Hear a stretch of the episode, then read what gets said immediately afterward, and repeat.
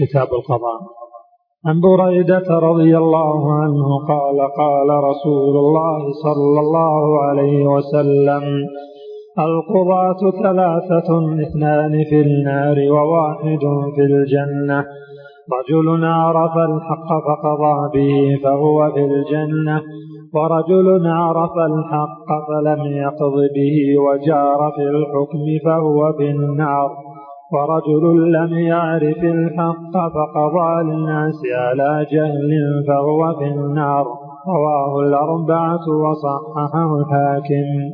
وعن أبي هريرة رضي الله عنه قال قال رسول الله صلى الله عليه وسلم من ولي القضاء فقد ذبح بغير سكين.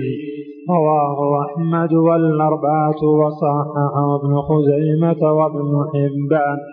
وعنه قال قال رسول الله صلى الله عليه وسلم إنكم ستحرصون على الإمارة وستكون ندامة يوم القيامة.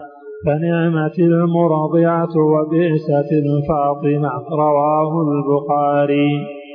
وعن عمرو بن العاص رضي الله عنه أنه سمع رسول الله صلى الله عليه وسلم يقول إذا حكم الحاكم فاجتهد ثم أصاب فله أجران وإذا حكم فاجتهد ثم أخطأ فله أجر متفق عليه. وعن أبي بكرة رضي الله عنه قال سمعت رسول الله صلى الله عليه وسلم يقول لا يحكم أحد بين اثنين وهو غضبان متفق عليه. وعن علي رضي الله عنه قال قال رسول الله صلى الله عليه وسلم إذا تقاضى إليك رجلان فلا تقضي للأول حتى تسمع كلام الآخر فسوف تدري كيف تقضي. قال علي فما زلت قاضيا بعد. رواه أحمد وأبو داود والترمذي وحسنه وقواه ابن المديني وصححه ابن حبان. وله شاهد عند الحاكم الحديث ابن عباس رضي الله عنهما وعن ام سلمة رضي الله عنها قالت قال رسول الله صلى الله عليه وسلم إنكم تختصمون إلي ولعل بعضكم أن يكون ألحن بحجته من بعض فأقضي له على نحو مما أسمع منه فمن قطعت له من حق أخيه شيئا فإنما أقطع له قطعة من النار متفق عليه. وعن جابر رضي الله عنه قال سمعت رسول الله صلى الله عليه وسلم يقول كيف تقدس أمة لا يؤخذ من شديد ضعيفهم رواه ابن حبان. وله شاهد من حديث بريدة عند البزار وآخر من حديث أبي سعيد عند ابن ماجه. وعن عائشة رضي الله عنها قالت سمعت رسول الله صلى الله عليه وسلم يقول يدعى بالقاضي العادل يوم القيامة فيلقى من شدة الحساب ما يتمنى ما يتمنى أنه لم يقض بين اثنين في عمره رواه ابن حبان. وأخرجه البيهقي ولفظه في تمرة. وعن أبي بكرة رضي الله عنه عن النبي صلى الله عليه وسلم قال لن يفلح قوم ولوا أمرهم امرأة. رواه البخاري. وعن أبي مريم الأزدي رضي الله عنه عن النبي صلى الله عليه وسلم قال من ولاه الله شيئا من أمر المسلمين فاحتجب عن حاجتهم وفقرهم احتجب الله دون حاجته أخرجه أبو داود والترمذي. وعن أبي هريرة رضي الله عنه قال لعن رسول الله صلى الله عليه وسلم الراشي والمرتشي بالحكم. رواه أحمد والأربعة وحسنه الترمذي وصححه ابن حبان. وله شاهد من حديث عبد الله بن عمرو عند الأربعة إلا النسائي. وعن عبد الله بن الزبير رضي الله عنهما قال قضى رسول الله صلى الله عليه وسلم أن الخصمين يقعدان بين يدي الحاكم رواه أبو داود وصححه الحاكم. باب الشهادات. عن زيد بن خالد الجهني رضي الله عنه أن النبي صلى الله عليه وسلم قال ألا أخبركم بخير الشهداء؟ الذي يأتي بشهادته قبل أن يسألها رواه مسلم. وعن عمران بن حسين رضي الله عنه قال قال رسول الله صلى الله عليه وسلم إن خيركم قرني ثم الذين يلونهم ثم الذين يلونهم ثم يكون قوم يشهدون ولا يستشهدون ويخونون ولا يؤتمنون. وينذرون ولا يوفون ويظهر فيهم السمن. متفق عليه. وعن عبد الله بن عمرو رضي الله عنهما قال قال رسول الله صلى الله عليه وسلم لا تجوز شهادة خائن ولا خائنة ولا ذي غمر على أخيه. ولا تجوز شهادة القانع لأهل البيت. رواه أحمد وأبو داود. وعن أبي هريرة رضي الله عنه أنه سمع رسول الله صلى الله عليه وسلم قال لا تجوز شهادة بدوي على صاحب قرية. رواه أبو داود وابن ماجه. وعن عمر بن الخطاب رضي الله عنه أنه خطب فقال إن أناسا كانوا يؤخذون بالوحي في عهد رسول الله صلى الله عليه وسلم.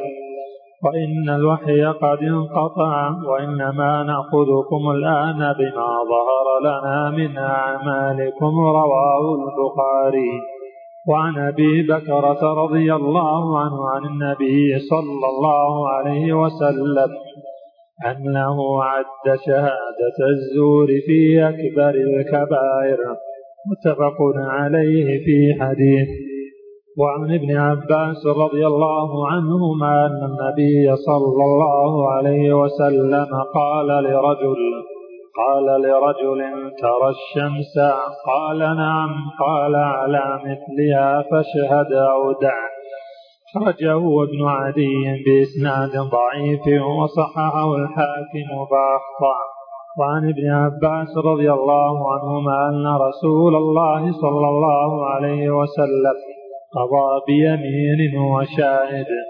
أخرجه مسلم وأبو داود والنسائي وقال إسناده جيد. وعن أبي هريرة رضي الله عنه مثله أخرجه أبو داود والترمذي وصححه ابن حبان. وعن أبي هريرة رضي الله عنه مثله أخرجه أبو داود والترمذي وصححه ابن حبان. باب الدعوة والبينات. عن ابن عباس رضي الله عنهما أن النبي صلى الله عليه وسلم قال لو يعطى الناس بدعواهم لادعى ناس دماء رجال وأموالهم. ولكن اليمين على المدعى عليه متفق عليه. وللبيهقي بإسناد صحيح.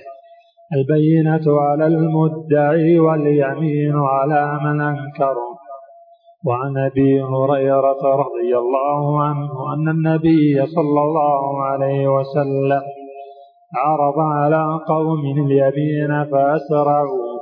فأمر أن يسهم بينهم في اليمين أيهم يحلف. رواه البخاري. وعن أبي أمامة الحارثي رضي الله عنه أن رسول الله صلى الله عليه وسلم قال من اقتطع حق امرئ مسلم بيمينه فقد أوجب الله له النار وحرم عليه الجنة.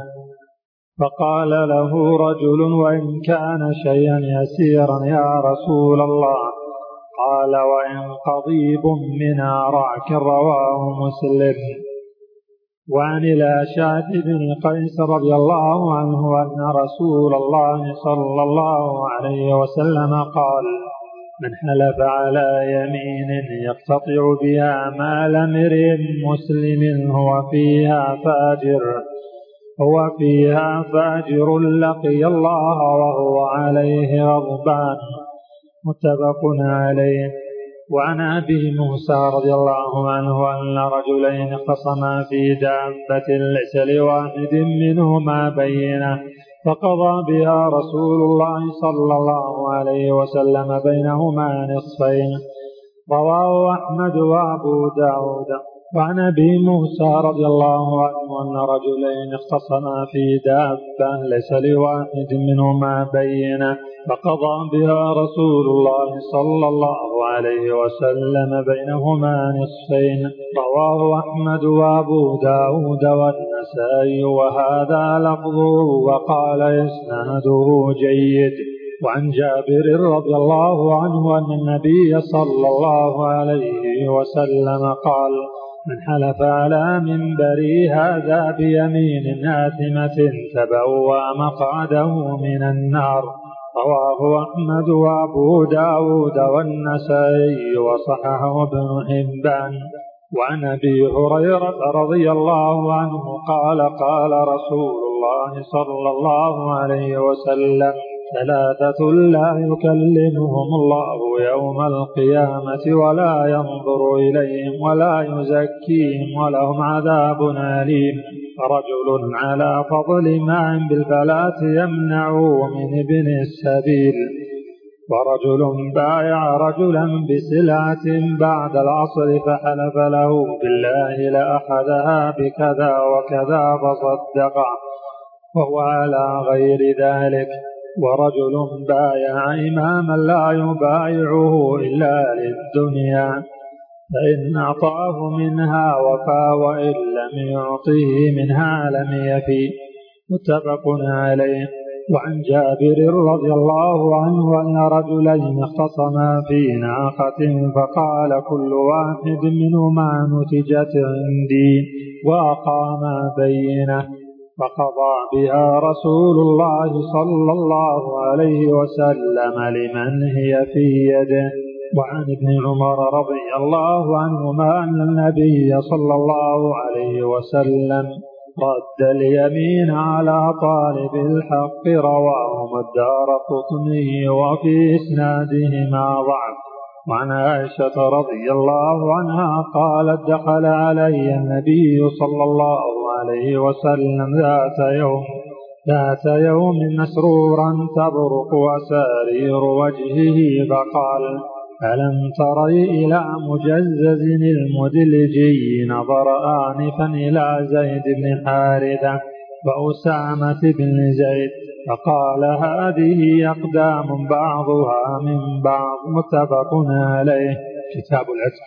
عن أبي هريرة رضي الله عنه قال قال رسول الله صلى الله عليه وسلم أيما امرئ مسلم اعتق امرأ مسلما استنقذ الله به. استنقذ الله بكل عضو منه عضوا منه من النار. وعن أبي هريرة رضي الله عنه قال قال رسول الله صلى الله عليه وسلم أيما امرئ مسلم أعتق امرأ مسلما استنقذ الله استنقذ الله بكل عضو منه عضوا منه من النار متفق عليه وللترمذي وصححه عن أبي أمامة وأيما امرئ مسلم اعتق امرأتين مسلمتين كانتا فكاكه من النار. ولأبي داود من حديث كعب بن مرة وأيما امرأة مسلمة اعتقت امرأة مسلمة كانت فكاكها من النار. وعن أبي ذر رضي الله عنه قال سألت النبي صلى الله عليه وسلم أي العمل أفضل؟ قال إيمان بالله وجهاد في سبيله. قلت فأي الرقاب أفضل؟ قال أعلاها ثمنا وأنفسها عند أهلها. متفق عليه. وعن ابن عمر رضي الله عنهما قال قال رسول الله صلى الله عليه وسلم من اعتق شركا له في عبد فكان له مال يبلغ ثمن العبد قوم قيمة عدل فأعطى شركاءه حصصهم وعتق عليه العبد وإلا فقد عتق منه ما عتق متفق عليه. ولهما عن أبي هريرة وإلا قوم عليه واستسعي غير مشقوق عليه. وقيل إن السعاية مدرجة في الخبر. وعن أبي هريرة رضي الله عنه قال قال رسول الله صلى الله عليه وسلم لا يجزي والد والده إلا أن يجده مملوكا فيعتق رواه مسلم. وعن سمرة رضي الله عنه أن النبي صلى الله عليه وسلم قال من ملك ذا رحم محرم فهو حر. رواه أحمد والأربعة ورجح جمع من الحفاظ أنه موقوف وعن عمران بن حسين رضي الله عنه أن رجلا اعتق ستة مملوكين له عند موته لم يكن له مال غيرهم فدعا بهم رسول الله صلى الله عليه وسلم فجزاهم ثلاثا ثم قرع بينهم فاعتق اثنين وأرق أربعة. وقال له قولا شديدا رواه مسلم. وعن سفينة رضي الله عنه قال كنت مملوكا لأم سلمة فقالت أعتقك وأشترط عليك أن تخدم رسول الله صلى الله عليه وسلم ما عشت. رواه أحمد وأبو داود والنسائي والحاكم. وعن عائشة رضي الله عنها أن رسول الله صلى الله عليه وسلم قال إنما الولاء لمن أعتق متفق عليه في حديث. وعن ابن عمر رضي الله عنهما قال قال رسول الله صلى الله عليه وسلم الولاء لحمة كلحمة النسب لا يباع ولا يوهب. رواه الشافعي وصححه ابن حبان والحاكم وأصله في الصحيحين بغير هذا اللفظ. باب المدبر والمكاتب وأم الولد. عن جابر رضي الله عنه أن رجلا من الأنصار اعتق غلاما له عن دبر. لم يكن له مال غيره. فبلغ ذلك النبي صلى الله عليه وسلم فقال من يشتريه مني؟ اشتراه نعيم بن عبد الله بثمانمائة درهم متفق عليه. وفي لفظ للبخاري فاحتاج وفي رواية للنسائي وكان عليه دين فباعه بثمانمائة درهم فأعطاه وقال وقال قض دينك. وعن عمرو بن شعيب عن أبي عن جده عن النبي صلى الله عليه وسلم قال مكاتب عبد ما بقي عليه من مكاتبته درهم. أخرجه أبو داود بإسناد حسن وأصله عند أحمد والثلاثة وصححه الحاكم. وعن أم سلمة رضي الله عنها قالت قال رسول الله صلى الله عليه وسلم إذا كان لإحداكن مكاتب وكان عنده ما يؤدي فلتحتجب منه رواه أحمد والأربعة وصححه الترمذي. وعن ابن عباس رضي الله عنهما أن النبي صلى الله عليه وسلم قال يهدى المكاتب بقدر ما عتق منه دية الحر وبقدر ما رق منه دية العبد رواه أحمد وأبو داود والنسائي. وعن عمرو بن الحارث أخي جويرية أم المؤمنين رضي الله عنها قال ما ترك رسول الله صلى الله عليه وسلم عند موته درهما ولا دينارا ولا عبدا ولا مة ولا شيئا إلا بغلته البيضاء وسلاحه وأرضا جعلها صدقة رواه البخاري. وعن ابن عباس رضي الله عنهما قال قال رسول الله صلى الله عليه وسلم أيما أمة ولدت من سيدها فهي حرة بعد موته. أخرجه ابن ماجه والحاكم بإسناد ضعيف ورجح جماعة وقفه على عمر رضي الله عنه. وعن سهل بن حنيف رضي الله عنه أن رسول الله صلى الله عليه وسلم قال من أعان مجاهدا في سبيل الله أو غارما في عسرته أو مكاتبا في رقبته أظله الله يوم لا ظل إلا ظله. رواه أحمد وصححه الحاكم. كتاب الجامع باب الأدب. عن أبي هريرة رضي الله عنه قال قال رسول الله صلى الله عليه وسلم حق المسلم على المسلم ست إذا لقيته فسلم عليه وإذا دعاك فاجبه وإذا استنصحك فانصحه وإذا عطس فحمد الله فشمته وإذا مرض فعده وإذا مات فاتبعه رواه مسلم. وعن أبي هريرة رضي الله عنه قال قال رسول الله صلى الله عليه وسلم انظروا إلى من هو أسفل منكم ولا تنظروا إلى من هو فوقكم فهو أجدر والا تزدروا نعمة الله عليكم متفق عليه. وعن النواس بن سمعان رضي الله عنه قال سألت رسول الله سألت رسول الله صلى الله عليه وسلم عن البر والإثم فقال البر حسن الخلق والإثم ما حاك في صدرك وكرهت أن يطلع عليه الناس. أخرجه مسلم.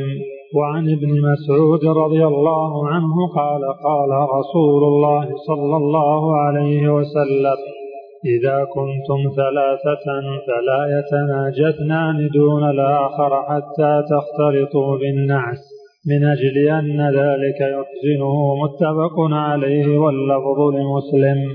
وعن ابن عمر رضي الله عنهما قال قال رسول الله صلى الله عليه وسلم لا يقيم الرجل الرجل من مجلسه ثم يجلس فيه ولكن تفسحوا وتوسعوا.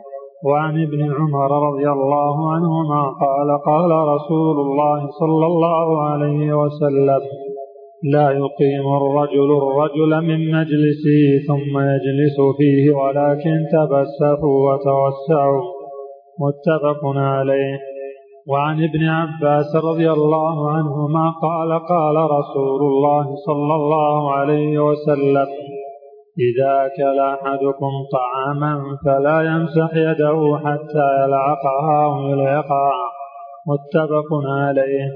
وعن أبي هريرة رضي الله عنه قال قال رسول الله صلى الله عليه وسلم ليسلم الصغير على الكبير والمأر على القاعد والقليل على الكثير. متفق عليه.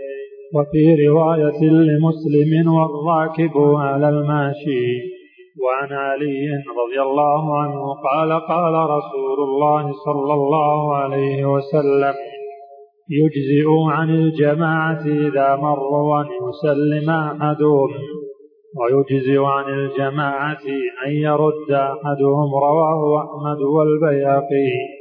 وعنه قال قال رسول الله صلى الله عليه وسلم لا تبدأوا اليهود ولا النصارى بالسلام وإذا لقيتموهم في طريقهم وإذا لقيتموهم في طريق فاضطروهم إلى ضيق أخرجه مسلم.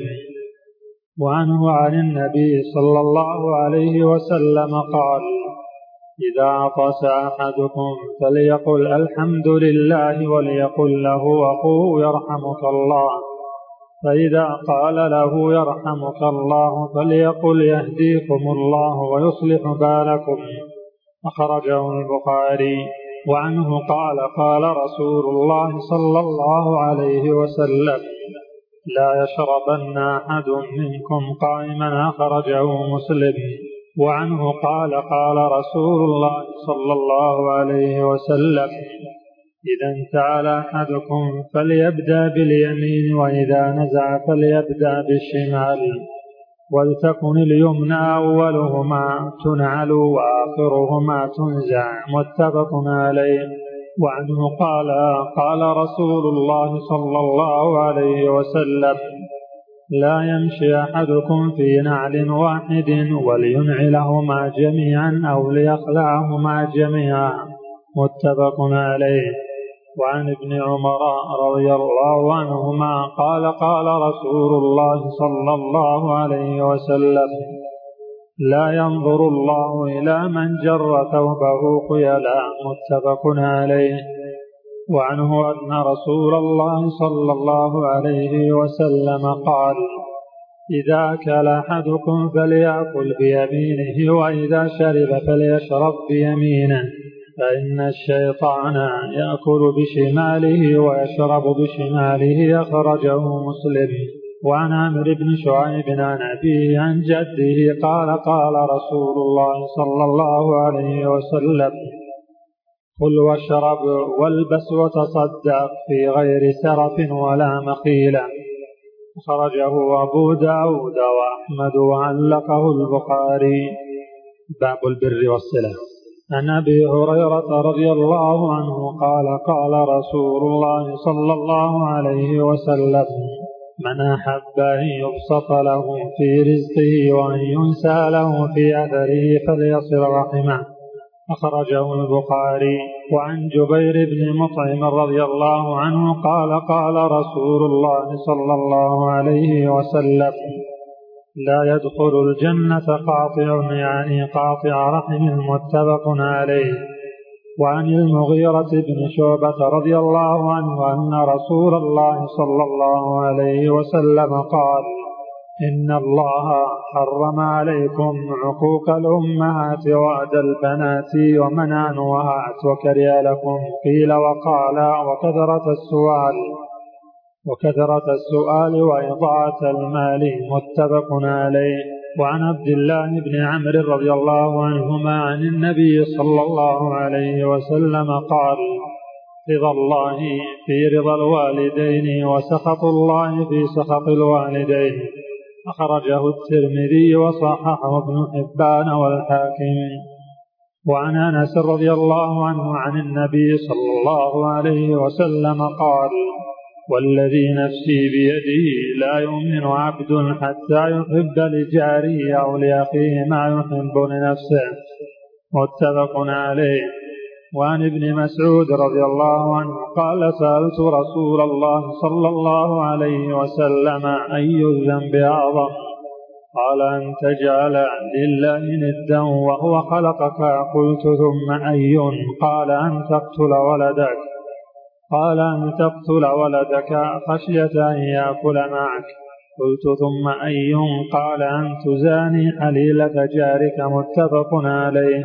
وعن عبد الله بن عمرو بن العاص رضي الله عنهما أن رسول الله صلى الله عليه وسلم قال من الكبائر شتم الرجل والديه قيل وليسب الرجل والديه قال نعم يسب أبا الرجل فيسب أباه ويسب أمه فيسب أمه متفق عليه. وعن أبي أيوب رضي الله عنه أن رسول الله صلى الله عليه وسلم قال لا يحل لمسلم أن يهجر أخاه فوق ثلاث ليال يلتقيان فيورض هذا فيعرض هذا ويعرض هذا وخيرهما الذي يبدأ بالسلام متفق عليه. وعن جابر رضي الله عنه قال قال رسول الله صلى الله عليه وسلم كل معروف صدقة أخرجه البخاري. وعن أبي ذر رضي الله عنه قال قال رسول الله صلى الله عليه وسلم لا تحقرن من المعروف شيئا ولو أن تلقى أخاك بوجه طلق وعنه قال قال رسول الله صلى الله عليه وسلم إذا طبخت مرقة فأكثر ماءها وتعهد جيرانك أخرجهما مسلم. وعن أبي هريرة رضي الله عنه قال قال رسول الله صلى الله عليه وسلم من نفس عن مؤمن كربة من كرب الدنيا نفس الله عنه كربة من كرب يوم القيامة. ومن يسر على معسر يسر الله عليه في الدنيا والآخرة ومن ستر مسلما ستره الله في الدنيا والآخرة والله في عون العبد ما كان العبد في عون أخيه أخرجه مسلم وعن ابن مسعود رضي الله عنه قال قال رسول الله صلى الله عليه وسلم من دل على خير فله مثل أجر فاعله. أخرجه مسلم. وعن ابن عمر رضي الله عنهما عن النبي صلى الله عليه وسلم قال من استعاذكم بالله فاعيذوه ومن سألكم بالله فأعطوه ومن أتى إليكم معروفا فكافئوه فإن لم تجدوا فادعوا له. أخرجه البياقي. باب الزهد والورع. عن النعمان بن بشير رضي الله عنهما قال سمعت رسول الله صلى الله عليه وسلم يقول وهو النعمان بإصبعه إلى أذنيه. إن الحلال بين وإن الحرام بين وبينهما مشتبهات. لا يعلمهن كثير من الناس. فمن اتقى الشبهات استبرى لدينه وعرضه ومن وقع في الشبهات وقع في الحرام فالراعي يرعى حول الحمى يوشك أن يقع فيه. ألا وإن لكل ملك حمى ألا وإن حمى الله محارمه ألا وإن في الجسد مضغة إذا صلحت صلح الجسد كله. وإذا فسدت فسد الجسد كله لا وهي القلب متفق عليه. وعن أبي هريرة رضي الله عنه قال قال رسول الله صلى الله عليه وسلم تعس عبد الدينار تعس عبد الدرهم. وعن أبي هريرة رضي الله عنه قال قال رسول الله صلى الله عليه وسلم تعس عبد الدينار والدرهم والقطيفة إن أعطي رضي وإن لم يعط لم يرضى. خرجه البخاري. وعن ابن عمر رضي الله عنهما قال أخذ رسول الله صلى الله عليه وسلم بمنكبي فقال كن في الدنيا كأنك غريب أو عابر سبيل. وكان ابن عمر يقول إذا أمسيت فلا تنتظر الصباح وإذا أصبحت فلا تنتظر المساء وخذ من صحتك لسقمك ومن حياتك لموتك أخرجه البخاري. وعن ابن عمر رضي الله عنهما وعن ابن عمر رضي الله عنهما قال قال رسول الله صلى الله عليه وسلم من تشبه بقوم فهو منهم أخرجه أبو داود وصححه ابن حبان. وعن ابن عباس رضي الله عنهما قال كنت خلف النبي صلى الله عليه وسلم يوما فقال فقال يا غلام احفظ الله يحفظك احفظ الله تجده تجاهك وإذا سألت فاسأل الله وإذا استعنت فاستعن بالله. رواه الترمذي وقال حسن صحيح. وعن سهل بن سعد قال جاء رجل إلى النبي صلى الله عليه وسلم فقال فقال يا رسول الله دلني على عمل إذا عملته أحبني الله وأحبني الناس. فقال ازهد في الدنيا يحبك الله وازهد فيما عند الناس يحبك الناس رواه ابن ماجه وسنده حسن. وعن سعد بن أبي وقاص رضي الله عنه قال سمعت رسول الله صلى الله عليه وسلم يقول إن الله يحب العبد التقي الغني الخفي أخرجه مسلم. وعن أبي هريرة رضي الله عنه قال قال رسول الله صلى الله عليه وسلم من حسن إسلام المرء تركه ما لا يعنيه رواه الترمذي وقال حسن. وعن المقدام بن معدي يكرب رضي الله عنه قال قال رسول الله صلى الله عليه وسلم ما ملا ابن آدم وعاء شرا من بطن؟ خرجه الترمذي وحسنه. وعن أنس رضي الله عنه قال قال رسول الله صلى الله عليه وسلم كل بني آدم خطاء وخير الخطائين التوابون. رجع الترمذي وابن ماجه وسنده قوي. وعن أنس رضي الله عنه قال قال رسول الله صلى الله عليه وسلم الصمت حكم وقليل فاعله. رجعه البيهقي في الشعب بسند ضعيف. وصحح أنه موقوف من قول لقمان الحكيم. باب الترهيب من مساوي الأخلاق. عن أبي هريرة رضي الله عنه قال قال رسول الله صلى الله عليه وسلم إياكم الحسد فإن الحسد يأكل الحسنات كما تأكل النار الحطب أخرجه أبو داود.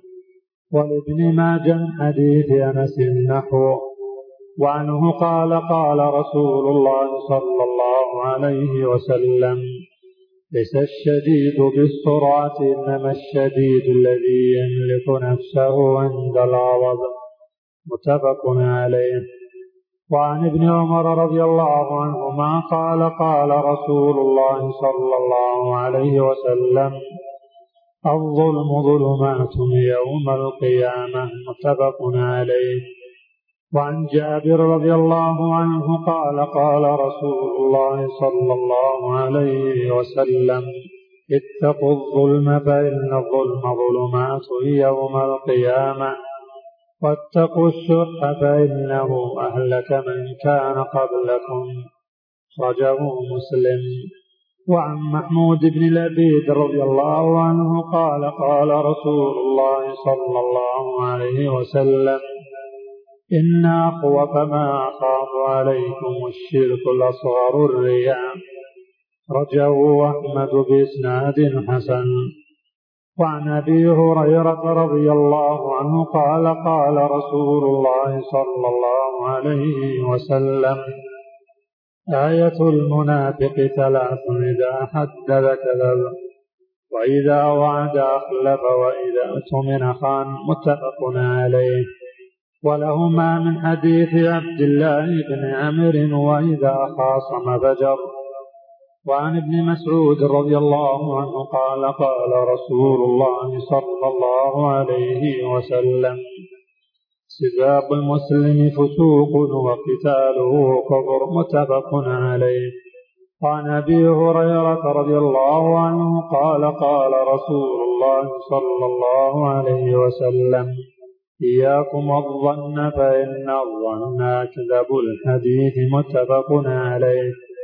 وعن مقل بن يسار رضي الله عنه قال سمعت رسول الله صلى الله عليه وسلم يقول ما من عبد يسترعيه الله رعية يموت يوم يموت وهو غاش لرعيته إلا حرم الله عليه الجنة متفق عليه. وعن عائشة رضي الله عنها قالت قال رسول الله صلى الله عليه وسلم اللهم من ولي من أمر أمتي شيئا فشق عليهم فاشفق عليه. رجه مسلم. وعن أبي هريرة رضي الله عنه قال قال رسول الله صلى الله عليه وسلم إذا قاتل أحدكم فليجتنب الوجه متفق عليه.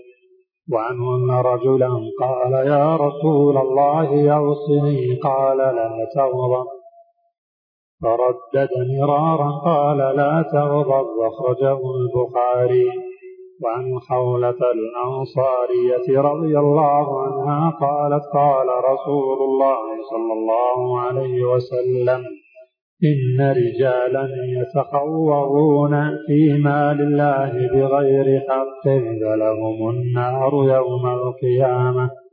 رجه البخاري وعن أبي ذر رضي الله عنه عن النبي صلى الله عليه وسلم فيما يرويه عن ربه.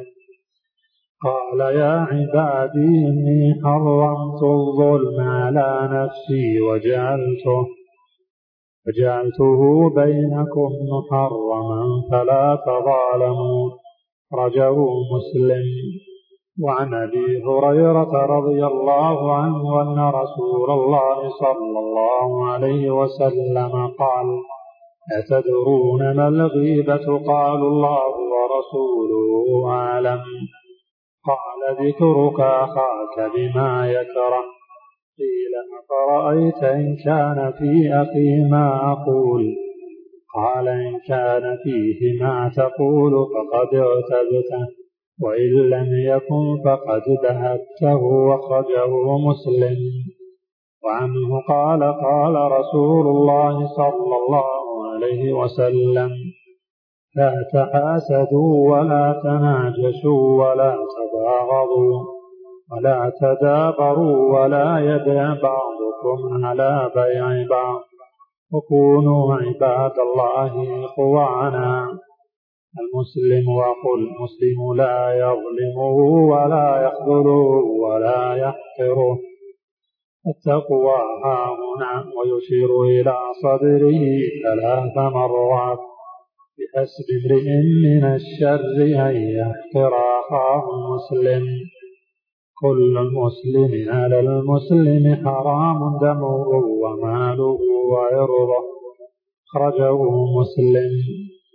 وعن قطبة بن مالك رضي الله عنه قال كان رسول الله صلى الله عليه وسلم يقول اللهم جنبني منكرات الأخلاق والأعمال والأهواء والأدواء أخرجه الترمذي وصححه الحاكم واللفظ له. وعن ابن عباس رضي الله عنهما قال قال رسول الله صلى الله عليه وسلم لا تماري أخاك ولا تمازحه ولا تعده موعدا فتخلفه. أخرجه الترمذي بسند فيه ضعف وعن أبي سعيد الخدري رضي الله عنه قال قال رسول الله صلى الله عليه وسلم خصلتان لا يجتمعان في مؤمن البخل وسوء الخلق. أخرجه الترمذي وفي سنده ضعف. وعن أبي هريرة رضي الله عنه قال قال رسول الله صلى الله عليه وسلم المستابان ما قالا فعلى البادئ ما لم يعتد المظلوم. أخرجه مسلم. وعن أبي سرمة رضي الله عنه قال قال رسول الله صلى الله عليه وسلم من ضار مسلما ضاره الله. ومن شاق مسلما شق الله عليه. أخرجه أبو داود والترمذي وحسنه. وعن أبي الدرداء رضي الله عنه قال قال رسول الله صلى الله عليه وسلم إن الله يبغض الفاحش البذيء. خرجه الترمذي وصححه. وله من حديث ابن مسعود رفعه ليس المؤمن بالطعان ولا اللعان ولا الفاحش ولا البذيء.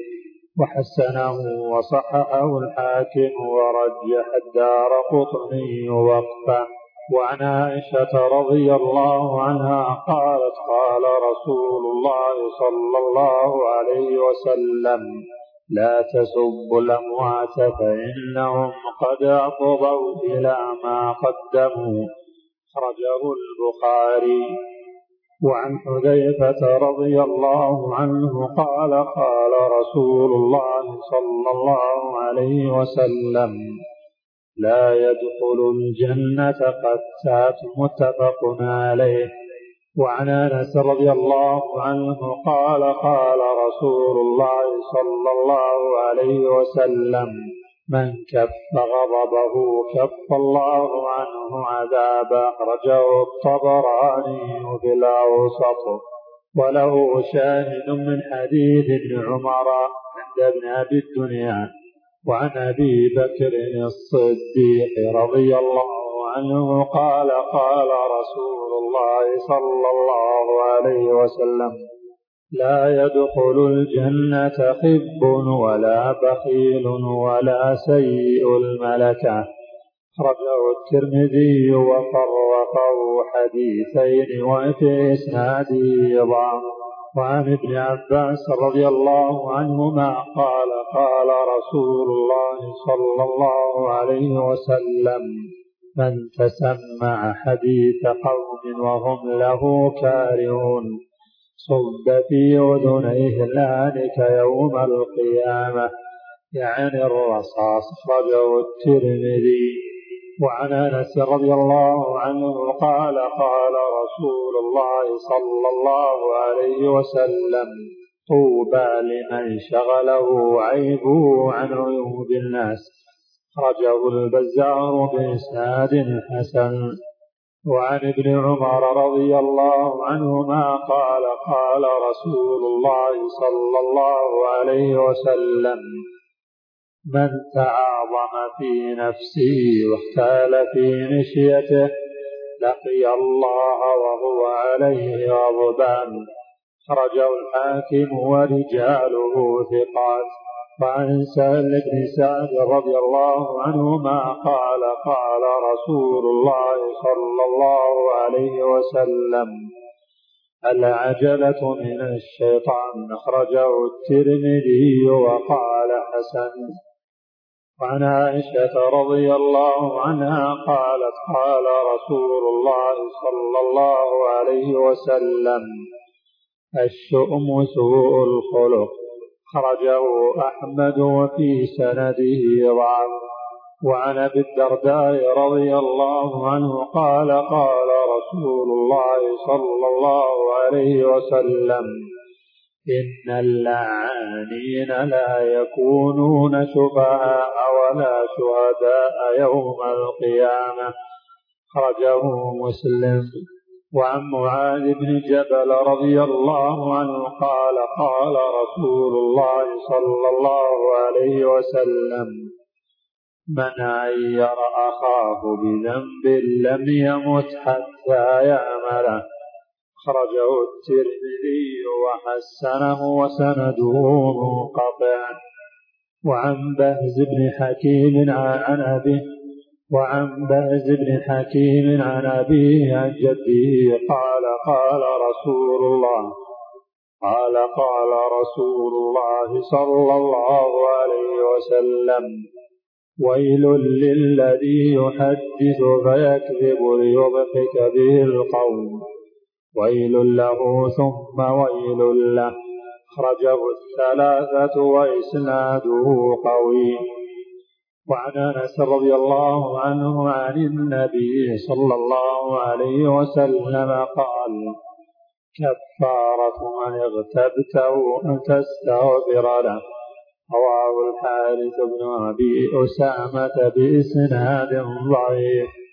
وعن عائشة رضي الله عنها قالت قال رسول الله صلى الله عليه وسلم أبغض الرجال إلى الله الألد الخصم. خرجه مسلم. باب الترغيب في مكارم الأخلاق. عن ابن مسعود رضي الله عنه قال قال رسول الله صلى الله عليه وسلم عليكم بالصدق فإن الصدق يهدي إلى البر وإن البر يهدي إلى الجنة. وما يزال الرجل يصدق ويتحرى الصدق حتى يكتب عند الله صديقا. وإياكم الكذب فإن الكذب يهدي إلى الفجور.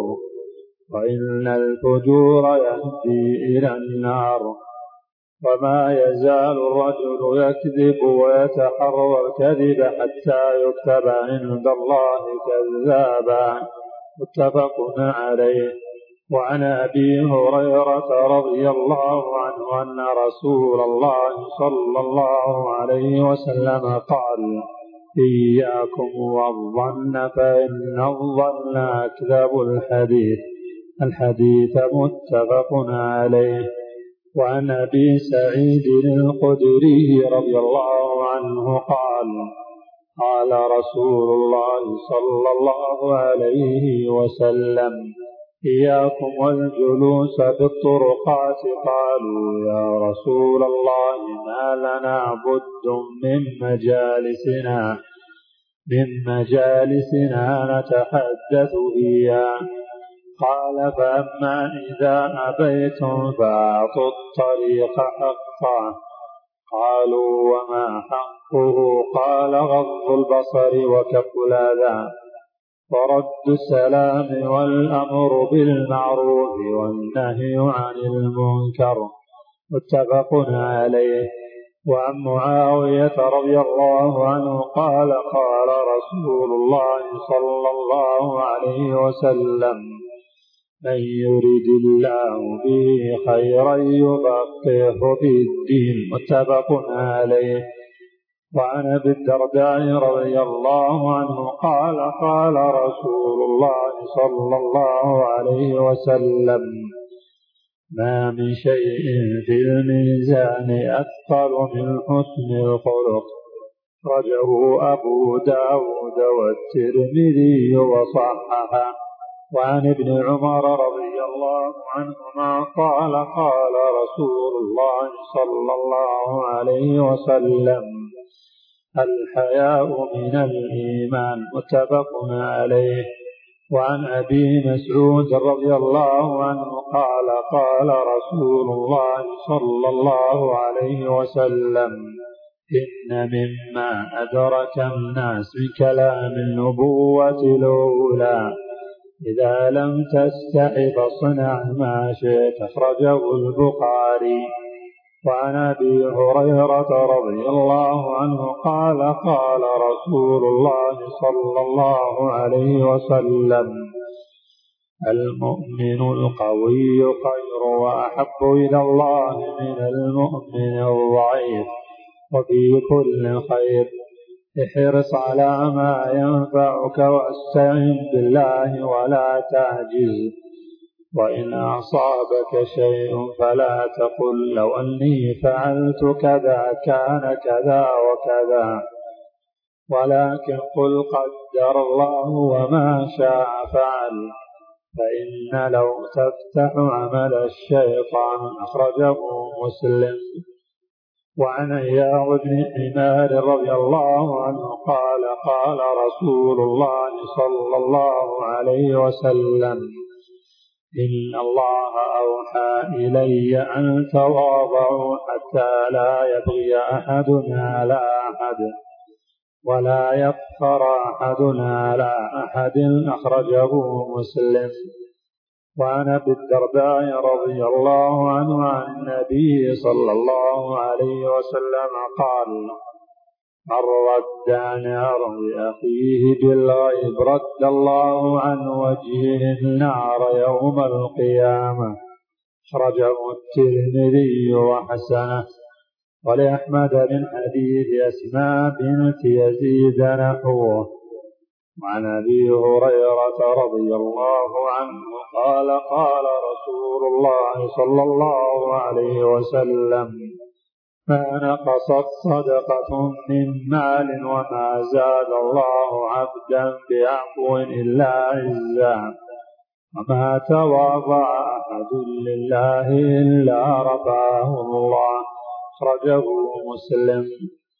وعن عبد الله بن سلام رضي الله عنه قال قال رسول الله صلى الله عليه وسلم يا أيها الناس أفشوا السلام وصلوا الأرحام وأطعموا الطعام وأطعموا الطعام وصلوا بالليل والناس نيام تدخلوا الجنة بسلام.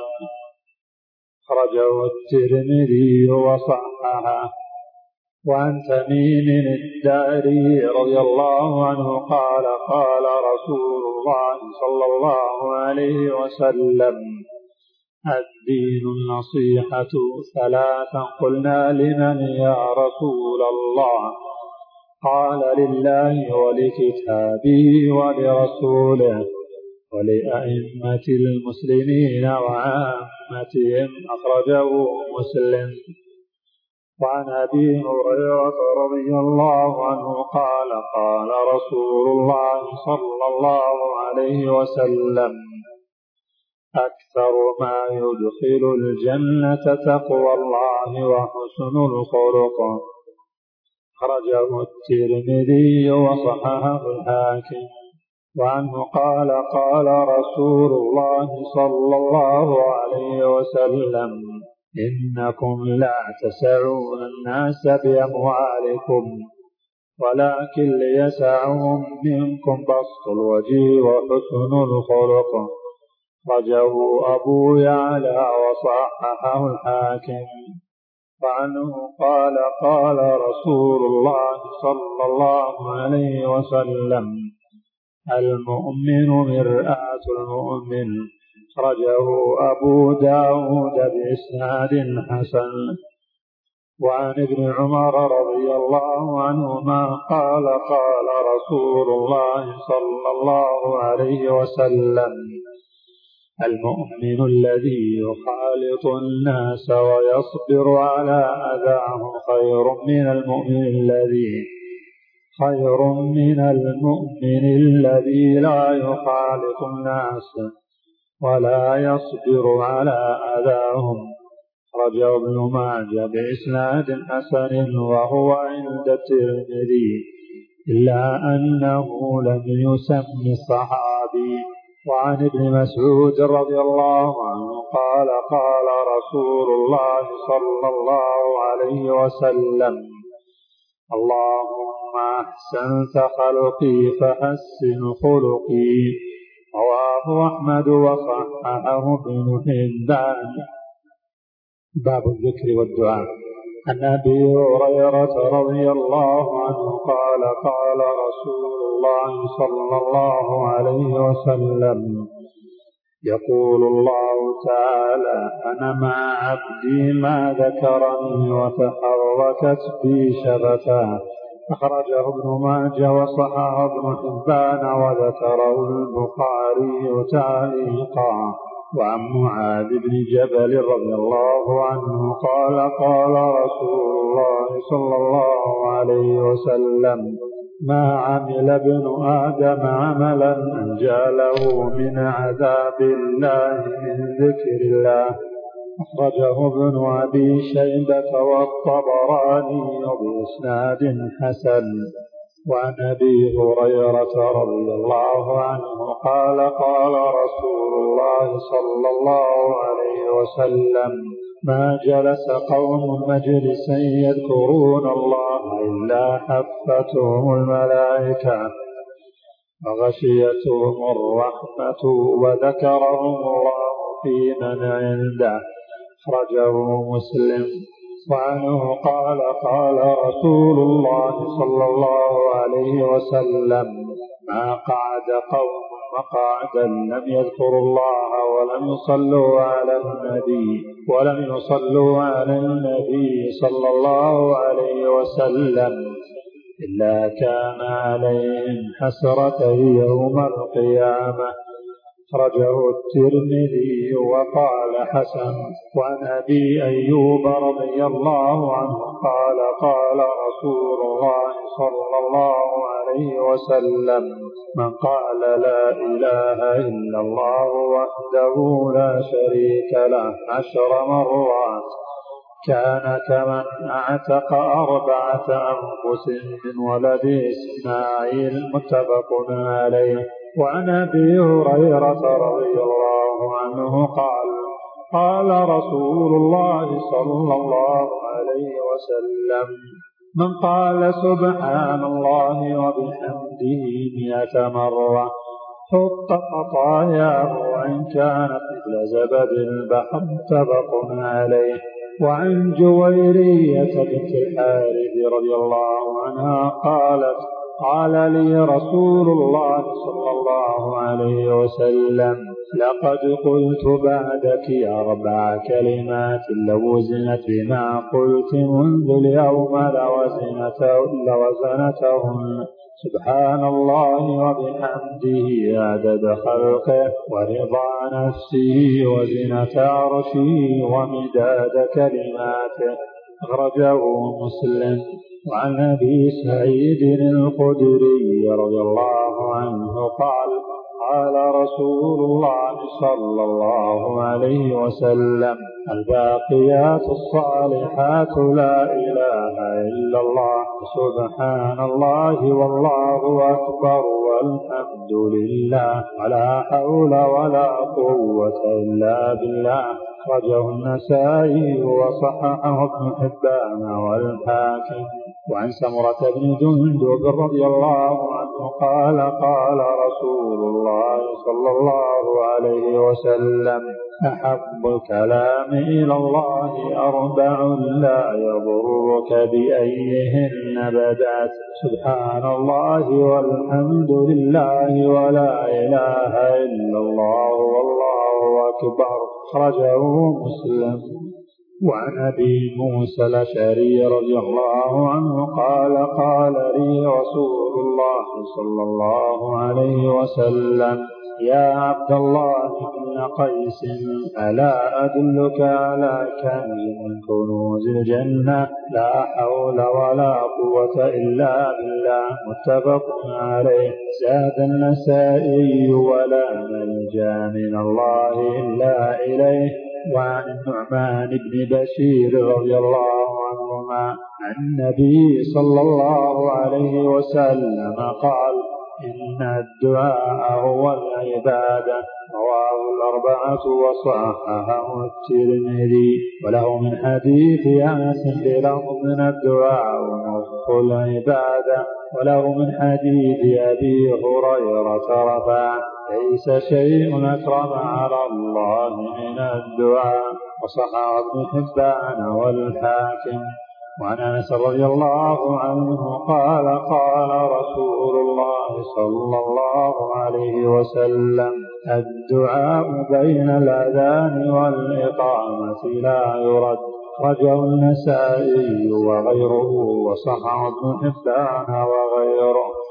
وعن سلمان رضي الله عنه قال قال رسول الله صلى الله عليه وسلم إن ربكم حيي كريم يستحي من عبده يستحي من عبده إذا رفع إليه يديه أن يردهما صغرا رجعوا الأربعة إلا النسائي وصححه الحاكم. وعن عمر رضي الله عنه قال كان رسول الله صلى الله عليه وسلم إذا مد يديه في الدعاء لم يردهما حتى يمسح بهما وجهه أخرجه الترمذي. وله شواهد منها حديث ابن عباس عند أبي داود وغيره. ومجموعها يقتضي أنه حديث حسن. وعن ابن مسعود رضي الله عنه قال قال رسول الله صلى الله عليه وسلم إن أولى الناس بي يوم القيامة أكثرهم علي صلاة.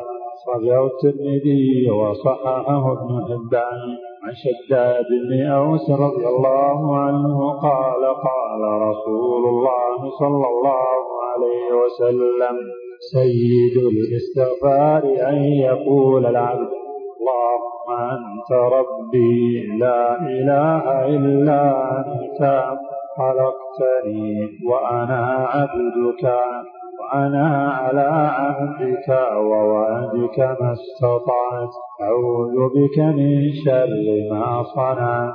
أبوء لك بنعمتك علي وأبوء لك بذنبي فاغفر لي فإنه لا يغفر الذنوب إلا أنت. أخرجه البخاري وعن عمر رضي الله عنهما قال لم يكن رسول الله صلى الله عليه وسلم يدع هذه الكلمات حين يمسي وحين يصبح. اللهم إني أسألك العافية في ديني ودنياي وأهلي ومالي. اللهم استر عوراتي وآمن روعاتي من بين يدي ومن خلفي وعن يميني وعن شمالي ومن فوقي وأعوذ بعظمتك أن أغتال من تحتي. أخرجه النسائي وابن ماجه وصححه الحاكم. وعن ابن عمر رضي الله عنهما قال كان رسول الله صلى الله عليه وسلم يقول اللهم إني أعوذ بك من زوال نعمتك وتحول عافيتك وفجاءة نقمتك وجميع سخطك أخرجه مسلم. وعن عبد الله بن عمرو رضي الله عنهما قال كان رسول الله صلى الله عليه وسلم يقول اللهم إني أعوذ بك من غلبة الدين وغلبة العدو وشماتة الأعداء رواه النسائي وصححه الحاكم. وعن بريدة رضي الله عنه قال سمع النبي صلى الله عليه وسلم رجلا يقول اللهم إني أسألك بأني أشهد أنك أنت الله لا إله إلا أنت. الأحد الصمد الذي لم يلد ولم يولد ولم يكن له كفوا أحد. فقال رسول الله صلى الله عليه وسلم لقد سأل الله باسمه الذي إذا سئل به أعطى وإذا دعي به أجاب. أخرجه الأربعة وصححه ابن حبان. وعن أبي هريرة رضي الله عنه قال كان رسول الله صلى الله عليه وسلم إذا أصبح يقول اللهم بك أصبحنا وبك أمسينا وبك نحيا وبك نموت وإليك النشور. وإذا أمسى قال مثل ذلك إلا أنه قال وإليك المصير. أخرجه الأربعة وعن أنس رضي الله عنه قال كان أكثر دعاء رسول الله صلى الله عليه وسلم. ربنا آتنا في الدنيا حسنة وفي الآخرة حسنة وقنا عذاب النار. متفق عليه. وعن أبي موسى الأشعري رضي الله عنه قال كان النبي صلى الله عليه وسلم يدعو اللهم اغفر لي خطيئتي وجهلي وإسرافي في أمري وما أنت أعلم به مني. اللهم اغفر لي جدي وهزلي وخطئي وعمدي وكل ذلك عندي. اللهم اغفر لي ما قدمت وما أخرت وما أسررت وما أعلنت. وما أنت أعلم به مني أنت المقدم وأنت المؤخر وأنت على كل شيء قدير متفق عليه. وعن أبي هريرة رضي الله عنه قال كان رسول الله صلى الله عليه وسلم يقول اللهم أصلح لي ديني الذي هو عصمة أمري وأصلح لي دنياي التي فيها معاشي وأصلح لي آخرتي التي إليها معادي. واجعل الحياة زيادة لي في كل خير واجعل الموت راحة لي من كل شر أخرجه مسلم. وعن انس رضي الله عنه قال كان رسول الله صلى الله عليه وسلم يقول اللهم انفعني بما علمتني وعلمني ما ينفعني وارزقني علما ينفعني رواه النسائي والحاكم. وللترمذي من حديث أبي هريرة وقال في آخره وزدني علما الحمد لله على كل حال وأعوذ بالله من حال أهل النار وإسناده حسن. وعن عائشة رضي الله عنها أن النبي صلى الله عليه وسلم علمها هذا الدعاء اللهم إني أسألك من الخير كله عاجله وآجله ما علمت منه وما لم أعلم. وأعوذ بك من الشر كله عاجله وآجله. ما علمت منه وما لم أعلم. اللهم إني أسألك بالخير ما سألك عبدك ونبيك. وأعوذ بك من شر ما عاد به عبدك ونبيك.